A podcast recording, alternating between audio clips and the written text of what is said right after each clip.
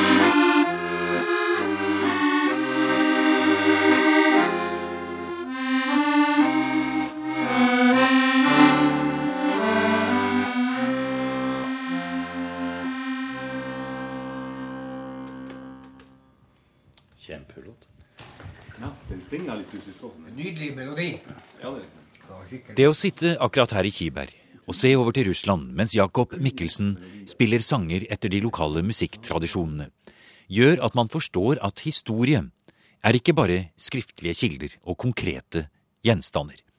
Musikk, sang, livshistorier og kanskje skjebner og erfaringer som ikke engang blir fortalt.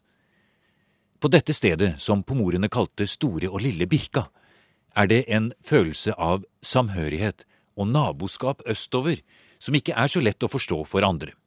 Og det fikk partisanene herfra føle under og etter annen verdenskrig. Nesten 70 personer herfra kjempet på sovjetisk side mot nazistene under krigen. De fleste av dem mistet livet, og de som overlevde, fikk merke den kalde krigen. Lille Moskva ble Kiberg kalt til langt ut på 70-tallet.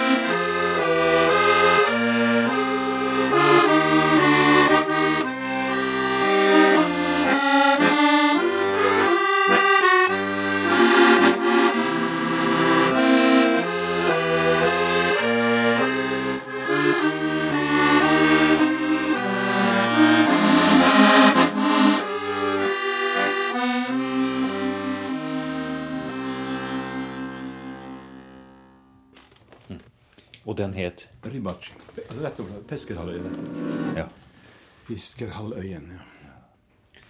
Og det er jo sånn at eh, du, du fortalte før du spilte denne sangen, at um, når russerne hører denne sangen, så har de en spesiell armbevegelse. Ja, ja, en del av dem har eh, Men det, det, det er en, en som handler om selvfølgelig om, om den store fedrelandskrigen. Og de eh, bruker den som sagt i alle sånne høytidssamvær, kan du si. At, eh, De gjør en sånn bølgebevegelse Ja, bølgebevegelse. Liksom. Valna heter det vel ikke så. Det er når ubåtene gikk ut fra Bolanoi, her rett over fjorden og ut, ut i, i, i Barentshavet for å slåss imot tyskerne. Sånn, når de så ubåtene gikk ut. Det handler liksom om det. Mange av kiberseringene var jo såkalte ubåtloser. Kjentmenn da på. Det var jo fiskere. Uten unntak så var det nesten bare fiskere fra Kiberg. Og det er klart, de var jo lommekjent på de her kantene her, og visste akkurat hvordan de skulle komme i land med både med, med personell og forsyninger. Nå var jo ikke du er mer enn akkurat født du når krigen eh, gikk mot slutten, eller når krigen sluttet. For så vidt jeg vet, så er du født i 45. Men du har jo fått, eh, Mikkelsen, med deg hele denne dramatiske historien nærmest eh, som, eh, som du har sagt før, istedenfor eh, Radioteatret. Ja, du vet at jeg, er jo født i 45, som du sier, og, og det er klart at eh, vi som var unger da, vi, vi kunne jo ikke unngå til å følge med hva de voksne prata om, og det var jo stort sett om krigen og det som hadde skjedd.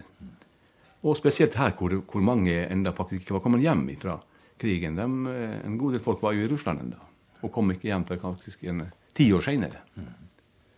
Otto Larsen, blant annet. Ja. Vi ser ut av stuevinduet ditt her, og det er et lite nes som stikker fram her. Og så øh, ser vi litt lenger der borte, så ligger det noen fjell i, blånene der. Ja, du har jo grense Jakobselv om- omtrent rett over her. Så det er det Russland vi ser, øh, Ja, du ser Russland på til, venstre- venstre, venstre side. der, ja. ja. Det er ikke så veldig langt bort. Nei, det er ikke så langt. Og, og grensen til Russland går jo langt ut i havet, så det er enda kortere enn man egentlig tenker seg. Et par timer, så. Ja, vi skal høre litt mer om det. Og vi ser, vi ser noe annet ut av vinduet ditt her òg. Vi ser et hvitt hus like ved her. Og det huset det er eldre enn det ser ut til. Og det ligger enda litt nærmere ned mot veien og ned mot, øh, ned mot fjæra. Ja, det huset der er- det er barndomshjemmet mitt. og Det er faktisk barndomshjemmet til far min, og det var bestefar min, som også heter Jakob, som bygde det. Eller som eh, fikk det satt opp. Det er egentlig et hus som eh, hvor tømmeret kommer fra Arkangelsk, som er bygd i pomortida. Det er vel bygd omkring i 1830, 25-30, kan jeg tenke meg.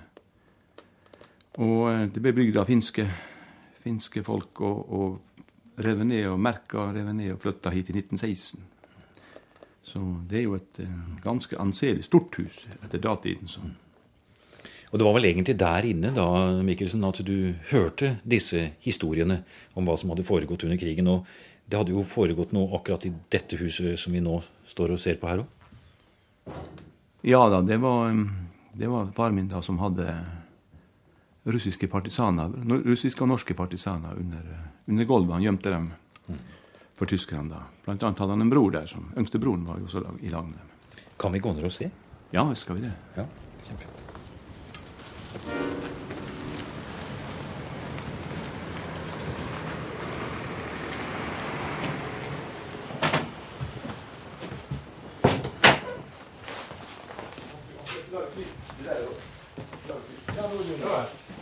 kjempe.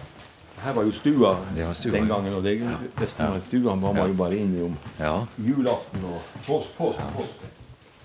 her er vi på kjøkkenet. Nå går vi forbi her. Her, her under lå den. Her, ja. For nå er vi ute på kjøkkenet. Der står Den grov seg inn i gangen inne her i, i en sånn gang her. Hvor, den- hvor den går ut til det. Så her ser vi jo Og da kommer vi inn i en litt eldre delen av huset, kanskje. ja. Se Så her. her tok far min opp plantene og så Hvor dem under her. da. Vi hadde spisskammers der hvor badet er nå. Ja, vel, ja. Det er ikke kjeller på det huset her. Så sanda var jo fylt, fylt opp helt til bjelkelaget. Mm. Så de fikk hver sin sånn lite Vi kalte det for koldskuffel den gangen. Sånn, og noen fikk en asjett, for de hadde ikke så mange koldskuffer. Og så måtte de lage det sånn en groper mellom bjelkelagene, så lå de nede i sanda. da. Det blir bare. Det er jo ikke stubbgulv, for Nei. det var jo bare tre centimeter mellom dem og så Sånn- tyskerne. Ja, riktig. Ja. Men eh, hvordan var det selve historien foregikk? Nei, du vet, det var jo et, et regulært slag inn i Lambones, hvor, hvor eh, russerne kom fra Kommadalen da og, og venta på en eh, ubåt som de hadde avtalt med skulle hente dem. Og den ubåten av uh, ukjente årsaker så kom han ikke, tok han ikke opp den ubåten. Dermed ble de værende i Lambones i et hus der, tomt hus. Og uh, tyskerne kom da nedover, og det ble et regulært slag. Slik at det falt jo da to. En russ og en nordmann falt, og flere tyskere falt. Og i den kaotiske situasjonen som oppstod da, så rømte da de fem nordmennene Pluss en, eh, av dem en, en cola nordmann som heter Øyen. Kåre Øyen. De rømte hit da til far min, for far min sin yngste bror var jo med. Han heter Ragnvald Mikkelsen. Han var med som, som, partisan da, og det er klart han ville selvfølgelig rømme hjem da. Som, og, for å komme seg unna tyskerne, selvfølgelig. Ja, og de regner med at dagen etter Da ble det represalier. Ja, det blir voldsomt. Og det stemte jo også. Faren min, de kom hit sent på kvelden, da? De kom natta hit. ja. Senere kom det to til, da, av, av søskenbarn til faren min. Og, og en til som da måtte bryte opp på nytt opp gulvet da, og stikke dem under der. Ja. Så det var ganske fullt under gulvet. Mm. Og så kom uh, tyskerne, ja. Ja, tidlig om morgenen så kom, eh, kom tyskerne. og, og og han, han, så jo det at de omringa huset her med de steingjerdene rundt her. Der mm. setter de opp mitraljøser, og det lå folk, tyskere i stilling rundt hele ja. mens de kom inn her. Da, ja. Og ropte etter Ruski. Hastoruski. Sånn. Han, husker, det husker han nå. Selvfølgelig var det ikke så rart om han huska det hele. «Hastoruski», sa de. At da har du russa her. De romsterte jo, de var blant annet på Høylemmen. Der hadde jo de eh, russene, eller da partisanene, først vært. Faren min tok dem rett opp på høylemmen, men så fant han ut at det var risikabelt. Og, og det stemte jo, for tyskerne for først på høylemmen og stakk bajonettene gjennom høyet overalt. Og, og, eh, men det, det, husker også far min sier, at hadde, hadde de hatt hunder Tyskerne brukte ikke hunder den gangen. For det er klart at mange av de partisanene som lå under gulvet, de røyka. De røyka mahorka. Og det er jo tysk tobak, eh, russisk tobakk.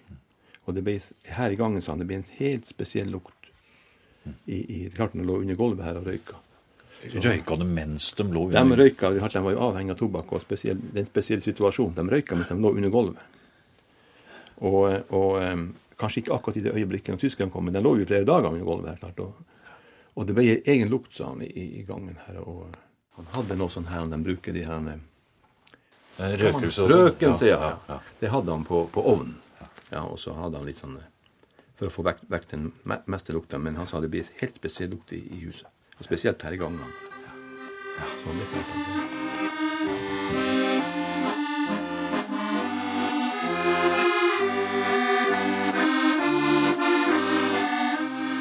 Men på tross av tobakkslukta fant ikke tyskerne partisanene denne gangen.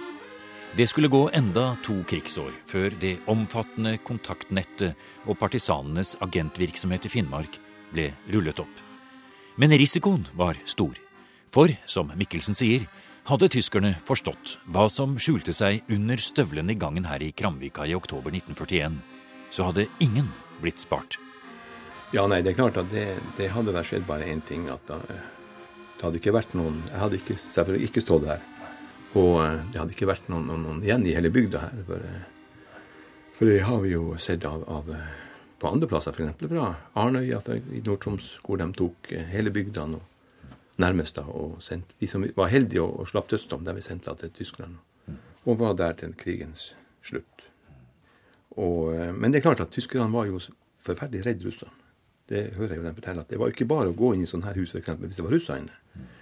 Så at um, de hadde voldsom respekt for, for, for, for russerne.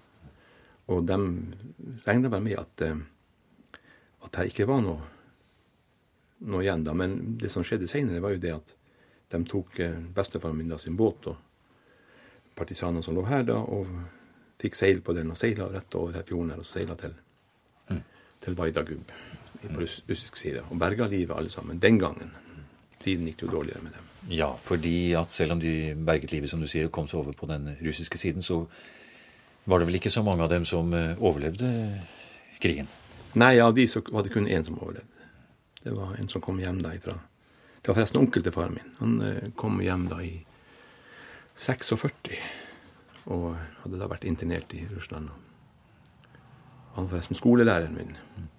Han prata om norske konger, Harald Hårfager Olav Tryggvason. Og, og, han hadde ei sjøl historie som kunne tatt pusten fra noen hver hvis han hadde tort å fortelle litt mer i den tida. Men etter krigen var det ikke så lett å fortelle disse historiene. Selv om krigen var slutt, var ikke ettervirkningene over for folk i Kiberg. Mistenkeliggjøring og manglende anerkjennelse var det de ble møtt med. Foran det gamle internatet i Kiberg, som nå er partisanmuseum, står to bautasteiner.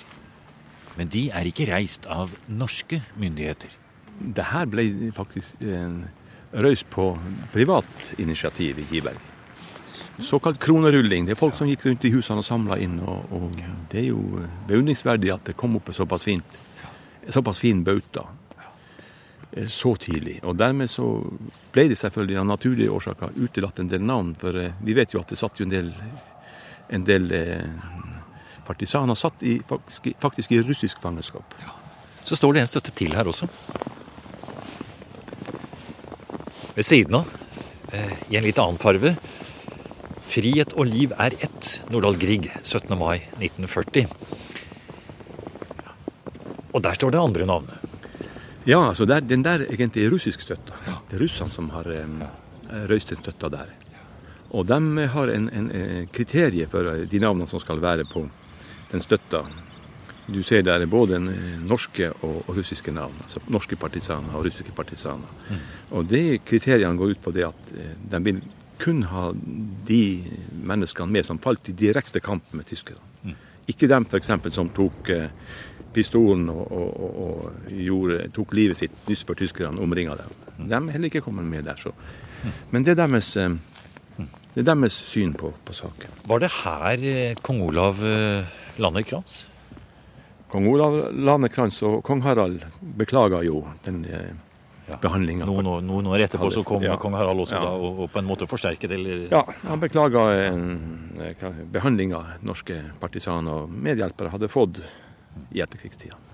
Men det at eh, kong Olav den gangen var den første som da la ned krans her, det var vel en veldig sterk symbolsk handling? Han sto akkurat her da?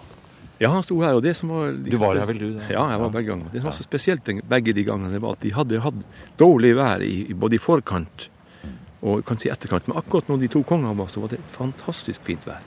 Sola kom opp, og folk sto her, og det var utrolig, utrolig fint.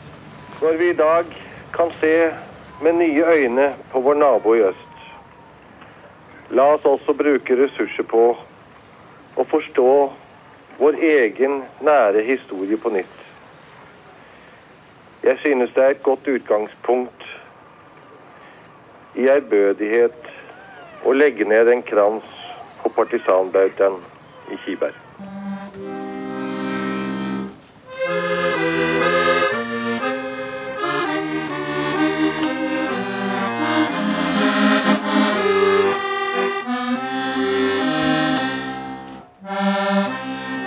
Dette var kong Haralds ord den 8. august 1992. Kong Olavs besøk her var i 1983 omtrent samtidig som noen av de gjenlevende partisanene for første gang fikk sine deltakermedaljer i posten. Det hadde gått lang tid, men da Kiberg historielag på denne tiden tok initiativet til et partisanmuseum i det nedlagte internatet, viste det seg at mange gjenstander og minner fra krigen fortsatt var tatt vare på rundt i husene. I dag drives Partisanmuseet i samarbeid med Vardø museum, og prosjektleder Ane Dalen Ringheim er en av de unge historikerne som fører arven fra Hans Christian Eriksen, Anders Råum og Kjell Fjørtoft videre. Hun har spesielt studert historien til de partisanene som kom i sovjetisk fangenskap. Det var jo, det var jo særlig én gruppe som som ble satt i land på, på Sørøya i 1942. Men den, men den, senderen de hadde fått med seg av russerne, den virka ikke sånn som den skulle. Og de ble derfor eh, gående uten kontakt med, med Murmansk. Og etter halvannet år på øya så, så, var situasjonen såpass desperat at de måtte prøve å komme seg over til Sverige. Ja. Så de, de flykta over, og så, og så var, oppholdt de seg der til eh, krigen var over. Og så fikk de vende hjem til, um, hjem til Kiberg i, i 1945. Men da eh, men så ble de, ble de invitert over til uh, Sovjetunionen for å De skulle hente båten til uh, Otto Larsen sin bror. Ja. Uh, som var en av de som de hadde flykta over med i 1940. Ja. Og så hadde de også blitt lova en påskjønnelse for det arbeidet de hadde utført. Men når de kom over til til Sovjetunionen, så ble de spurt om de kunne tenke seg å gå i sovjetisk tjeneste. De ble forsøkt vervet. Ja. ja. Nå går vi forresten akkurat inn her i internatet på Partisanmuseet. Kommer inn og børsta av snøen litt. Men eh, ville de, ja, ble de vervet, da? Vet vi det? Eh, de ville ikke la seg verve. Og da ble de utsatt for ganske harde avhør. Og hvor de ble, hvor de ble beskyldt for å ha brutt den, eh, den, det taushetsløftet som de hadde avlagt i Murmansk før de reiste ut på oppdrag. Ja. Eh, fordi de hadde fortalt om oppdraget sitt i Sverige til norske myndigheter der. Så da ble de dømt til eh, åtte og ti års tvangsarbeid. Og den yngste, han som het Ragnvald Mikkelsen, ja. han eh, forsøkte å rømme fra fangeleiren Kodina uh, utafor Arkangelsk i august 1946, men ble innhenta og skutt. Og de to andre kom hjem i 1953 og 1955. Midt under den kalde krigen. Ja, og da kom de, kom de hjem til et voldsomt uh, rabalder her, hvor, eh, hvor, Arbeiderpartiet prøvde å bruke de i kampen mot kommunistene. Og kommunistene kjempa en desperat kamp for å avkrefte det de hadde å, å fortelle fra fangeleirene. Så de ble på en måte kasta inn i en ny krig, en propagandakrig. Og mens vi går rundt og blir overrasket over hvor mange gjenstander, dokumenter, våpen, plakater, spionsendere, klær, fotografier og andre ting som er stilt ut i Partisanmuseet, forteller Ane Dahl Ringheim om flere enkeltskjebner. Eksempel Richard Lind, som reiste over i 1941 og arbeidet som radiotolk for russerne. En dag i 1944 hørte han en norsk sending fra London, og bestemte seg for å forsøke å komme om bord i en britisk konvoibåt som lå til kai i Murmansk. Men eh, da, da ble de tysta på og ble arrestert. Så ble de sendt sørover, først til en fangeleir eh, i i Vologda-området.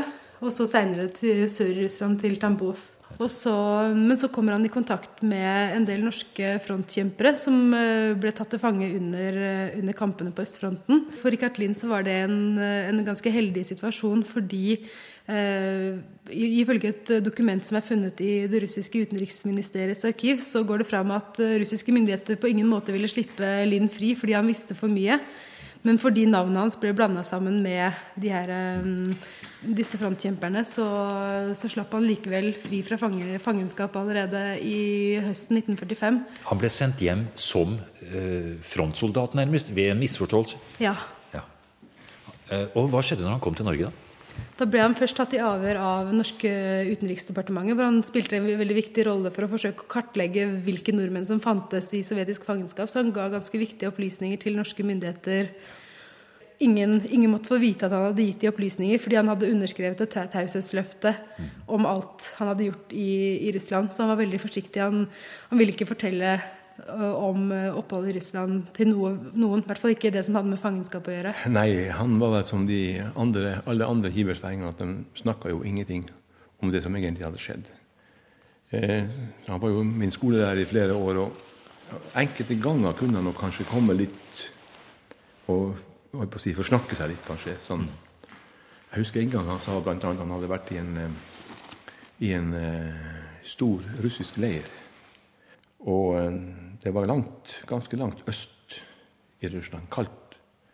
Og der eh, hadde de ei stor brakke akkurat når fangene døde, så kunne de ikke begrave dem. De stabla dem i sånne, i sånne store uthus, og de stabla dem i lar, altså la, la, du vet hva det betyr. Mm. Altså De stabla dem i seksjoner, at de gikk opp, og så, og så fikk de stabla helt over taket. Mm. Og det var han med på. Han var med og stabla lik. Det sa han en gang, og da skjønte vi at han har han, han sa aldri han hadde vært i russisk fangenskap, men det, det var liksom et nederlag for han å si det som hadde vært. liksom. Ja. Og Så kommer altså etterkrigsårene, og så kommer medaljene inn i bildet. Her ser vi det henger noen medaljer på veggen her. Og det er eh, Trygve Eriksen fra Kiberg, som uh, levde til 1987. Uh, eh, han ble høyt dekorert, står det her. og her henger noen av medaljene han fikk. Ja, her henger de. Og ettersom jeg har um, han, Trygve er jo en ganske nær slekt av meg. og ettersom jeg forsto, så fikk han da en av de høyeste utmerkelsene som gis til, til utenlandske borgere. Stemmer ikke det, Anne? Jo. jo det stemmer. Han fikk, eh, han fikk, både Den røde fanes orden, som henger veldig høyt, og også Den røde stjernes eh, orden. Fra Sovjetunionen, Og de ja. henger her, ser vi. Der henger fra venstre deltakermedaljen da, 9.4.1940. Når fikk han den for øvrig? Eh, var det den eh, han fikk tilsendt i posten? Ja, Sist på 70, først på 70-tallet. På 70-tallet, ja. På 80-tallet fikk han den. I posten. Det er nesten skammelig, Mikkelsen. Ja, jeg syns det. Og eh, jeg kan fortelle en, liten, sånn, en, en sånn liten historie fra han, han, han reiste mye til Russland i etterkrigstida. Og jeg husker en gang han fortalte at han hadde vært på en stor, stor sammenkomst de hadde der borte. Og da hadde han, han brukte å ta på seg de her to høye utmerkelsene når han var han og kona var på en stor forsamling. og Når han kom da inn med, med, med de to uh, utmerkelsene på brystet, så røstet hele salen seg opp. Og det var ikke få mennesker i salen, men alle røstet seg opp og klappa. Ja, det er utrolig. Trygve Eriksen ble satt i land fra ubåt flere ganger eller droppet fra fly i eh, Finnmark. Det var i 42 om i januar, hvis jeg ikke husker feil. Akkurat datoen det kan jeg ikke huske nå, for jeg har ikke noe oppskrevet. Nei. Og hva bestod det i? Det var det konvoiutjenesten som vi skulle passe, som gikk til Kirkenes. Som kom sydfra og gikk inn til Kirkenes. Og så skulle vi rapportere over, og så skulle de komme og bombe og torpedere. Naturligvis.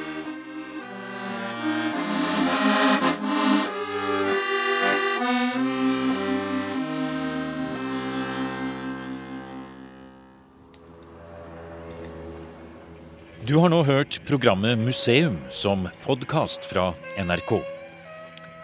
Museum sendes i NRK P2 på lørdager klokken 16 og søndag morgen klokken 8. E-postadressen er museum.krøllalfa.nrk.no. Og nå har museum også en side på Facebook.